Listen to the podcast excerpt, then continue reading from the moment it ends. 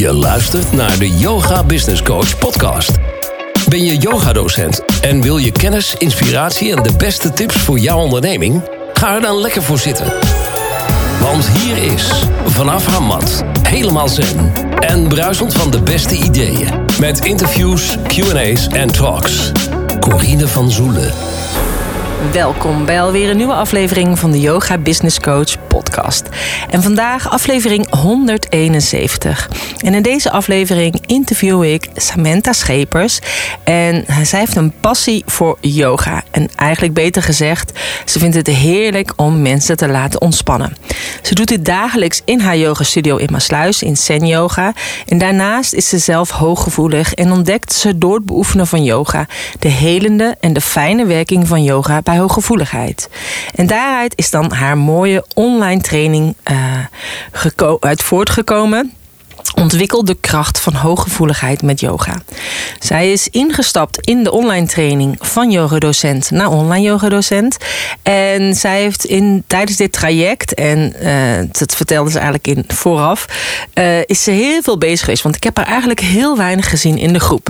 Maar ze zei, ja, de training zat gewoon zo goed in elkaar dat ik gewoon lekker zelf aan de slag kon gaan.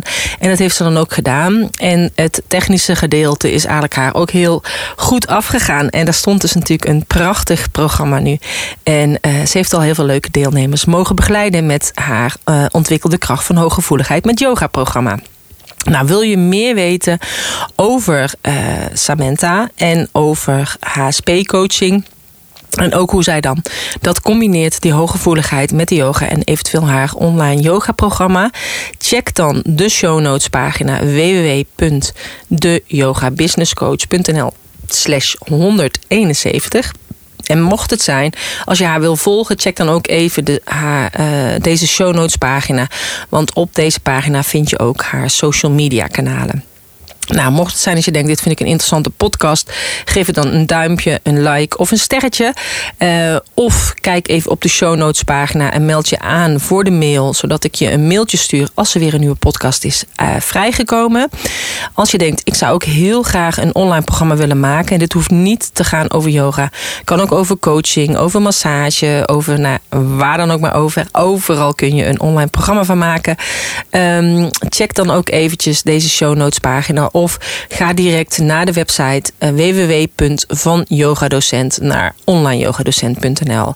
En je hoeft dus niet per se yogadocent te zijn. Nou, luister naar dit interessante gesprek samen met Samantha. Vandaag heb ik een online afspraak met Samantha. Welkom. Dankjewel. Kun je even, we beginnen al meteen te lachen joh, dit wordt al een heel gezellig gesprek denk ik. Heb, uh, kun je even kort jezelf voorstellen? Ik zal eerst vertellen dat ik Samantha heet en geen Samantha. oh, oh. Ja, dat is altijd lastig. Nee, uh, mijn naam is. Nou nog steeds verkeerd? Nee, zei het hartstikke. Oh, oké. Okay. Samantha is het. je bent niet de enige, maar de meeste mensen noemen mij ook gewoon Sam of Sam. Dat is eigenlijk makkelijker. Maar... Ja, dat is het meest makkelijker dan. Ja, dat is waar. Uh, nee, mijn naam is dus Samantha en ik ben eigenaresse van een yogastudio in Maasluis en yoga. En uh, ik heb de online training uh, voor hooggevoelige mensen gemaakt. En dat is eigenlijk wat ik doe. Ja, maar is dat altijd zo geweest? Ben je altijd yogadocent geweest? Uh, nee, nee, verder van dat. Het is misschien inderdaad wel even leuk om te vertellen dat ik uh, uh, na mijn middelbare school ben ik eigenlijk meteen gaan werken. eerst op een accountantskantoor en daarna bij een financieel kantoor waar uh, hypotheken, verzekeringen werden verkocht. En uh, ja, heb ik allerlei interne opleidingen gevolgd om uiteindelijk zelf financieel adviseur te worden. Dus ik verkocht hypotheken, verzekeringen, ik adviseerde in beleggingen. Dus een hele andere wereld. En uh, dat heb ik 17 jaar lang gedaan. En ik heb zelf uh, inmiddels twee grote jongens van 16 en 17.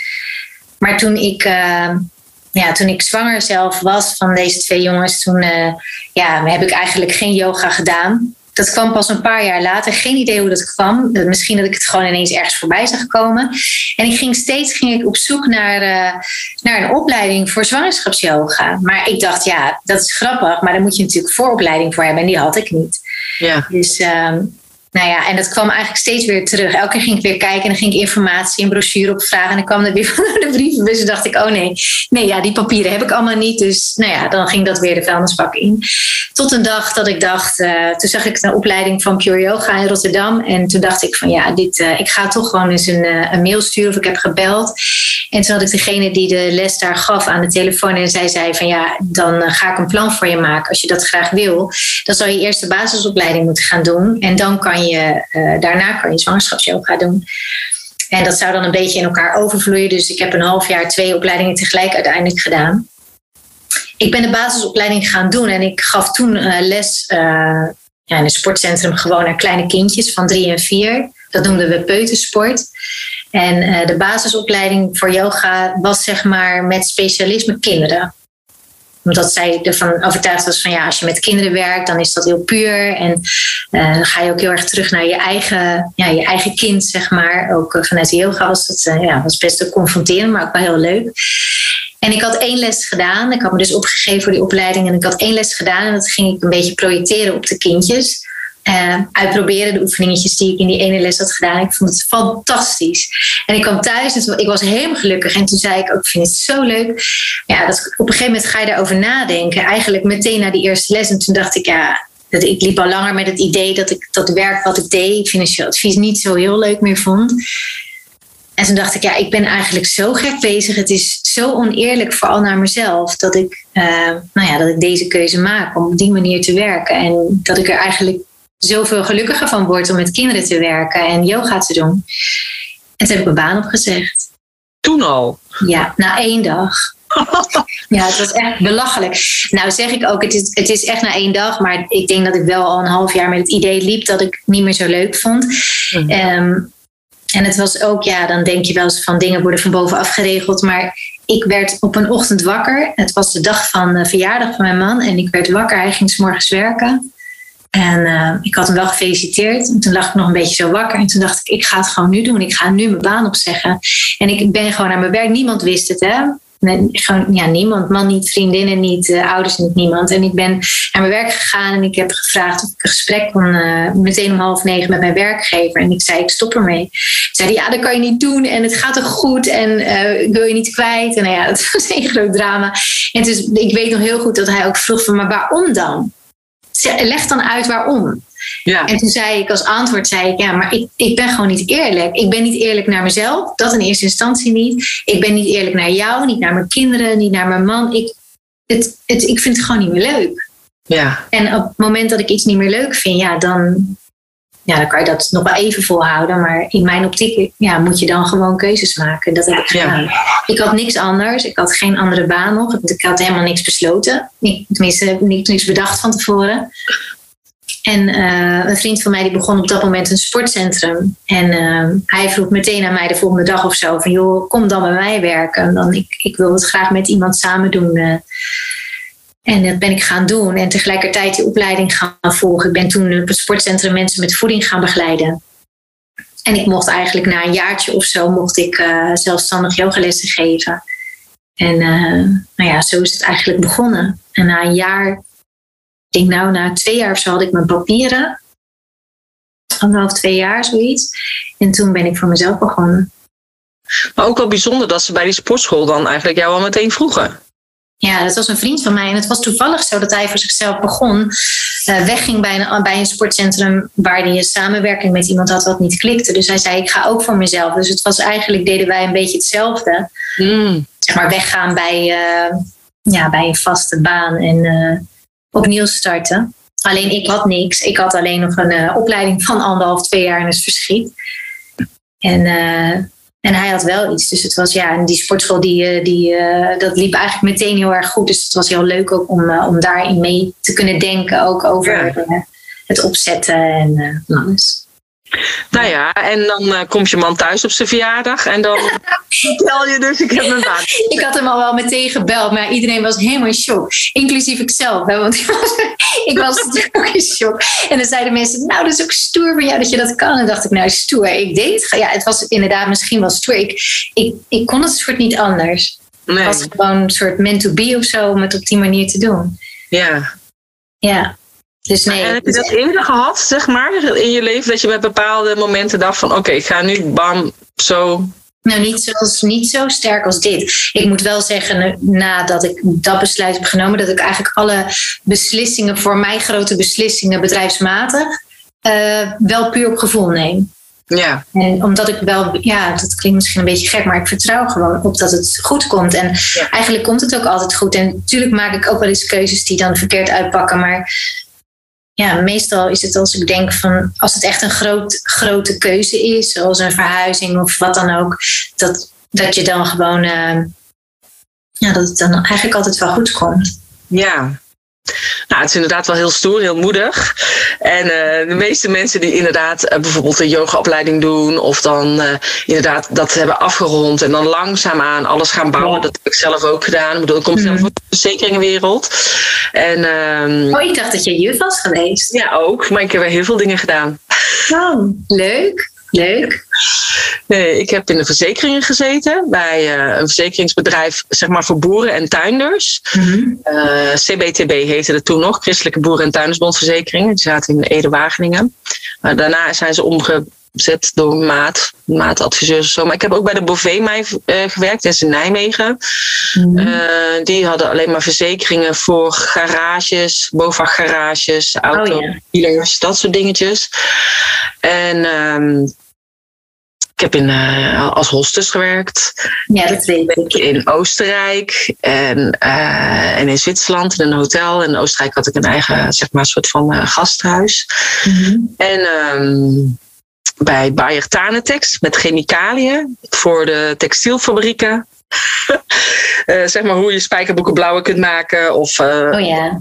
zachter, zeg maar. Dus die chemicaliën. En omdat ik Turks sprak omdat ik in Turkije dan had gewerkt, uh, kreeg ik Turkije onder mijn beheer. En daar wordt natuurlijk heel veel katoen verbouwd. Ja. Ja, dus daar heb ik gewerkt. Um, maar dus ook inderdaad bij, de, bij, uh, bij verzekeringen en in het onderwijs uiteindelijk. Leuk, bij de VND, bij de landbouw. Ja. Nou, dat is allemaal weer nog langer geleden. Maar ja, dus ik heb eigenlijk van alles en nog wat gedaan. En inderdaad, ja. het onderwijs met kleuters. Maar ja, ik ben gewoon heel snel uitgekeken ergens op. Ja, maar dan herken je wel wat ik zeg, dat als het dan niet werkt, dat je dan een keuze maakt om iets anders te doen. Bij mij ja, was... vond de eerste keer het lastigst. Hè? Dus bij mijn allereerste baan ja. was dus bij de CBTW, dus uh, die Christelijke Boeren- en Tuinsbondverzekering. Ja. Heel lastig om weg te gaan. En toen zei die man, ja, maar het is altijd goed om je, uh, om je benen onder een ander bureau te schuiven. Zo van, ja, om oh, dat is een goeie, ja. Werken. En toen mm. dacht ik, oh ja, dat is inderdaad ook goed. En er zijn nu nog steeds mensen die daar nog steeds werken. Dan denk ik, hoe is het mogelijk? Ja. Dus heb ik al zoveel andere dingen gedaan. Maar um, ja, uiteindelijk leer je bij elke baan leer je weer andere kwaliteiten ontwikkelen. Ja, is ook zo. Voor mijn gevoel komt eigenlijk nu alles samen. En ja, heeft het ook nut gehad dat ik al die verschillende banen heb gehad. Want ja. uit elke baan heb ik wel weer wat gepakt wat ik nu nodig heb. Ja. En ik vind dat ook eigenlijk altijd het mooiste om ja, met de mensen die ik inderdaad begeleid, om te kijken van ja, waar zit dan die overlap in? Hè? En ja. Uh, wat zijn dan die kwaliteiten die je ontwikkelt? Hoe kun je die nu inzetten eigenlijk? Ja. ja, ik zei ook, het is mooi dat je dat zegt, want ik zei altijd van ja, ik. Uh, mijn zus is bijvoorbeeld kraambezorgster en dat wist ze al toen ze nou ja, net kon praten, bij wijze van spreken. Dat vond ik altijd zo knap. Ik wist nooit wat ik wilde worden en ik deed eigenlijk gewoon maar wat. Um, maar ik zeg altijd, ja, ik vind dus blijkbaar uh, cijfertjes vind ik heel leuk. En ik vind mensen vind ik heel erg leuk. Ja. Dus ja, weet je, dan, dan was dat een soort van logische keuze om in die branche dan te gaan werken. Ja. Nu doe ik nog steeds wel wat met cijfertjes. Ik doe gewoon mijn belastingaangifte zelf. Waar de meeste mensen echt een hekel aan hebben. Dat vind ik dan leuk om te ja. doen. Ja, dat is dan alleen maar heel fijn. Want de meeste ondernemers vinden dat lastig inderdaad. Ja, precies. Maar het is de, de, het, het praten met mensen. En de mensen op zich. Ja, ik vind mensen vind ik gewoon heel interessant. Ja. Nou ja, en wat je dus heel vaak ziet, dus is dus inderdaad ook dat mensen inderdaad eerst iets doen van, eh, wat, wat vind ik leuk? En ik ben ook heel goed in cijfers, dus ik, heb ook, ik ben ook ja. de HO gaan doen. En uiteindelijk zat ik te veel op de korenmarkt in Arnhem, dus dat was niet echt gaan doen. Maar dat maakt niet uit. Maar um, uh, da, omdat je dan denkt, oh hier ben ik goed in, dan ga je die ja, richting op. Precies. Dus je maakt meer inderdaad de keus vanuit je hoofd. En, ja. en ik denk dat nu steeds meer mensen de keus gaan maken vanuit hun hart. En dat is vaak lastig. Soms is daar eerst een burn-out voor nodig bij heel veel mensen. Of toch een heftig ongeluk of weet ik wat. Wat uiteindelijk een, een switch maakt in hun uh, leven. Ja. Um, ja, en ik denk van ja, dat, dat je daardoor steeds meer mensen ziet die eerst inderdaad zo'n beroep hebben gehad zoals jij hebt gehad. En dan daarna toch inderdaad coach zijn geworden of yogadocent of therapeut. Of, ja. Ja, dat soort Nou moet ik zeggen dat ik uh, vanaf mijn zesde altijd gedanst heb. Um, jazzballet eigenlijk en op latere leeftijd ook klassiek, uh, meer de klassieke richting op. En ik heb dus, uh, toen ik zeg maar een jaar of 15 was, toen uh, was er ineens een docent ergens in, de, in die school waar ik les had, was, viel uit. En toen zeiden ze, joh, Sam, wil jij die les dan niet geven? En toen dacht ik, ja, prima leuk. En dat ging ik doen. En toen ging ik ook een beetje van die, van die cursussen en workshops doen om les te kunnen geven. Dus eigenlijk vanaf mijn 15e, 16e geef ik eigenlijk altijd al les. Ja. Dus het is wel altijd wel iets geweest wat naast het werk in de financiële wereld er was. Ja. Uh, toen ben ik uiteindelijk zwanger geworden. Dus ben ik even gestopt met lesgeven. En toen ben ik dat met die peuters weer op gaan pakken. En ben ik uh, Body Balance gaan geven. Dat is van Les Mills zo'n programma. Dat is natuurlijk ook, ja, ook yoga, maar dan... Uh, nou ja, voor geprogrammeerd zeg ik altijd het niet dat je het zelf bedenkt. Mm -hmm. Dus het lesgeven, dat is wel altijd, wel altijd iets geweest wat voor mij. Uh, ja, ja, nou, dat was mooi. altijd wel. Maar en zeg maar, je hebt dan hè, bij mij de online training gedaan van yogadocent ja. naar online yogadocent. Daardoor ben je eigenlijk helemaal gaan richten op uh, HSP. Ja. En uh, hoe is dat eigenlijk zo gekomen dat je dan eigenlijk voor, uh, voor die doelgroep een, uh, een online training hebt ontwikkeld? Nou ja, ik merkte zelf dat doordat ik yoga deed, dat ik. ik ben zelf uiteraard, tenminste uiteraard, misschien niet helemaal uiteraard, maar ik ben hooggevoelig. En ehm, ja, ik, mensen vragen wel eens aan mij hoe ben je erachter gekomen dat dat zo was? Was dat ineens een eye-opener of een situatie? Ik, ja, ik zou daar een heel mooi verhaal voor willen hebben, dat heb ik niet. ik, weet, ik weet dat ik het uiteindelijk ineens, misschien door te lezen, of ja, ik heb er heel veel boeken over gelezen, um, dat ik wist dat, ik dat, dat dat het was waar ik nou ja, last van had tussen haakjes. En um, ik merkte door yoga te doen dat je heel erg bewust wordt van jezelf. En dat je um, ja, heel erg natuurlijk naar, naar binnen toe keert. En dat je heel erg met je lichaam bezig bent, maar ook met je geest. En ja, dat het, dat, dat hoogsensitieve zeg maar echt wel werd versterkt. Dat ik het was, dat wist ik daarvoor dus al. Maar ik merkte dat dat werd versterkt. En dat ik, er, ja, dat ik allerlei houdingen leerde. Uh, in de opleiding ook, waardoor ik mezelf beter kon beschermen. Vanuit yoga gezien. Uh, tegen prikkels bijvoorbeeld. En toen dacht ik, ja, ik vind het gewoon zo'n mooie combinatie, yoga en hoogsensitiviteit. Omdat je dus ja, heel veel uh, aan yoga kan hebben op het moment dat je hoogsensitief bent. Mm-hmm. En uh, dat is eigenlijk de reden dat ik voor dat onderwerp heb gekozen. Ja. Omdat ik het gewoon een hele mooie combi, uh, combi vond. Ja, en dus de mensen die nu bij jou de online training hebben gedaan, zeg maar. We, ja, hoe hebben zij de training ervaren dan? Heeft het hun echt ook geholpen in het dagelijks leven? Ja, zeker wel. Zeker. En het is ook, ja, er zijn ook mensen die, uh, um, ja, die uh, hooggevoelig zijn, maar niet, geen ervaring hebben met yoga. Dat is ook niet nodig. Dus het is niet per se noodzakelijk dat jij weet hoe je yoga moet doen, bijvoorbeeld. Of dat je, als jij nog nooit yoga hebt gedaan, dan kan dat ook fijn zijn. En ik merk gewoon dat de, de reacties van mensen nadat ze de training hebben gedaan, dat het gewoon, ja, dat het heel fijn is om al die, ja, ik noem het altijd een soort van trucjes. Er zijn gewoon allerlei oefeningen die je kan leren om jezelf dus uh, ja, beter te beschermen. Dat is eigenlijk wel het, of, of, beter te ontwikkelen in hoogsensitiviteit. Hè. Intuïtie is vaak sterker bij mensen die hoogsensitief zijn. Dat kan je heel erg versterken door yoga-houdingen te doen.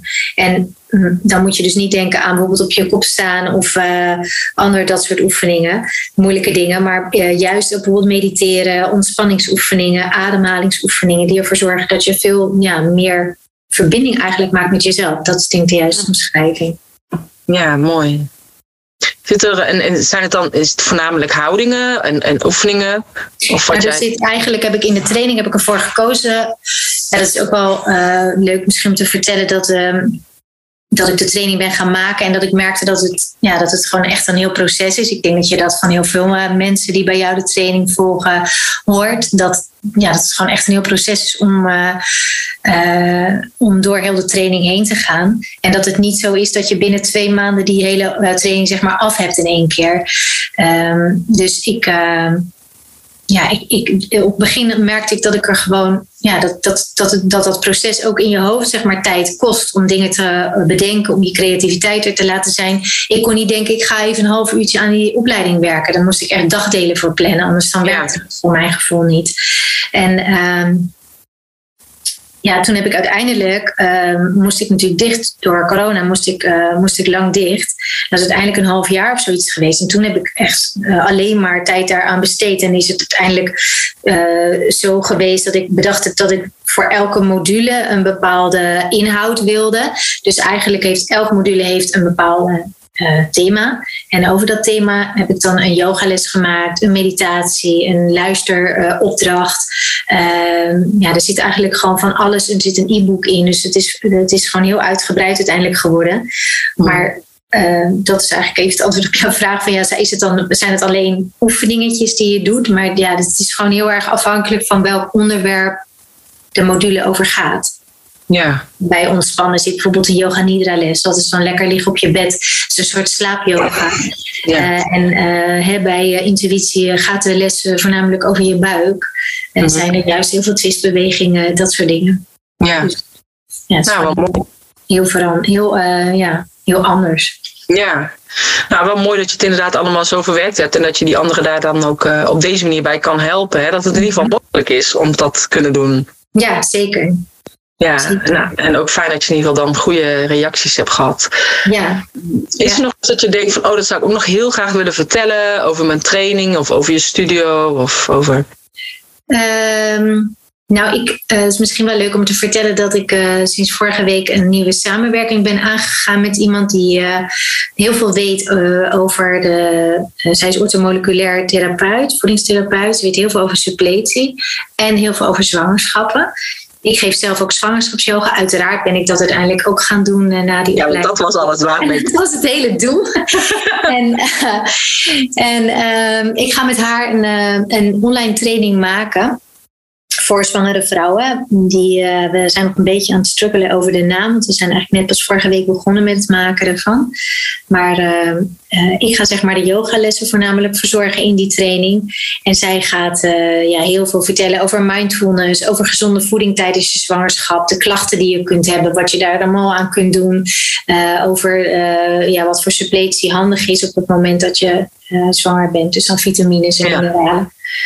En dat gaan wij samen maken. Dus dat wordt wel, uh, wordt wel heel leuk. En dat is nu iets waar ik, uh, ja, waar ik nu heel veel tijd aan besteed. Waar ik heel veel zin in heb. Ja, ja superleuk.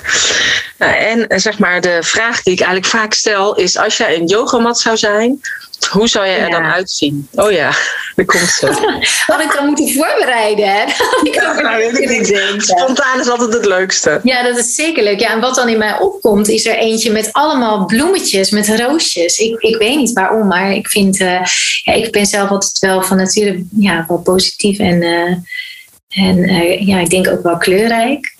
Ja. Dus ik denk dat het uh, ja, met een soort van leuke roze mat met allemaal, uh, allemaal kleine bloemetjes zo. Dat vind ik wel leuk. Oh, Oké, okay. nou, ja. Leuk. Ja, dat is leuk hè? Ja, heel erg leuk. Ja, ja. Ja, ik heb ooit een podcast interview gehad met, um, met Dashima. Ik weet niet of jij haar kent. Zij is uh, um, een yoga-docent in, uh, in Hawaii. En, ja. uh, daar staat ook in het boek van The Morning Miracle. En zij was een van de eerste, ja, volgens mij de eerste, YouTube-yoga-docent. Ja. En um, uh, toen ik het aan haar vroeg, dus zij zit in een van mijn eerste podcasts ook, maar uh, toen ik het aan haar vroeg, toen had ze het ook over bloemetjes. Oh echt? ja, en, maar zij wilde echt de, de, de bloemenzaad, zeg maar, in de mat. Ja, ja. Oh, en dan echt bloemen ook op de mat helemaal. Ja, en zo zei dat als inderdaad dan de mat zeg maar klaar is, als je de mat niet meer gebruikt, mm. dat je hem dan kan begraven. Oh, en er dan dus uh, bloemen uitkomen. Dus dat vond ik op zich wel heel mooi. Maar zij had dat helemaal ook overlegd met zo'n matte-specialist. Oh, echt? Maar, ja, maar het is dus niet, uh, uh, ja, maar eigenlijk niet mogelijk. Omdat stel je zou erop staan en je hebt bezweten voeten, of je bent ja. zelf aan het zweten, of, of de mat wordt nat, dan ja. gaan de bloemen wel uitkomen of zo. Dus, ja, dan sta je dadelijk yoga te doen op allemaal van die, van die bloemen, krijg je dan waarschijnlijk. Ik kon ook niet bedenken oh, hoe ze dat dan het beste konden doen dat stel je zou na zoveel jaar je mat onder de grond stoppen, dat dan in één keer die bloemenzaadjes uit zouden komen of zo. Dus, uh, oh ja. Maar vond wel grappig. Dus wel grappig dat jij dat nu ook hebt over de bloemetjes. Ja. Dus, maar in ieder geval, uh, dankjewel voor je tijd. En, uh, ja, jij ook bedankt. Leuk om uh, zo even met je te praten. Ja, en heel veel succes met je nieuwe plannen. Helemaal goed, dankjewel hè. Doei, doei, doei. Ja, dit was podcast 171. Dankjewel voor het luisteren. Ik hoop dat jij net zo genoten hebt als ik. Uh, wil je haar volgen uh, en wil je weten wat haar website is? Check dan de show notes pagina www.deyogabusinesscoach.nl slash 171. Wil je zelf ook een online training ontwikkelen? Check dan van yogadocent naar onlineyogadocent.nl. En dit is voor yogadocenten, coaches, therapeuten therapeuten, masseuses.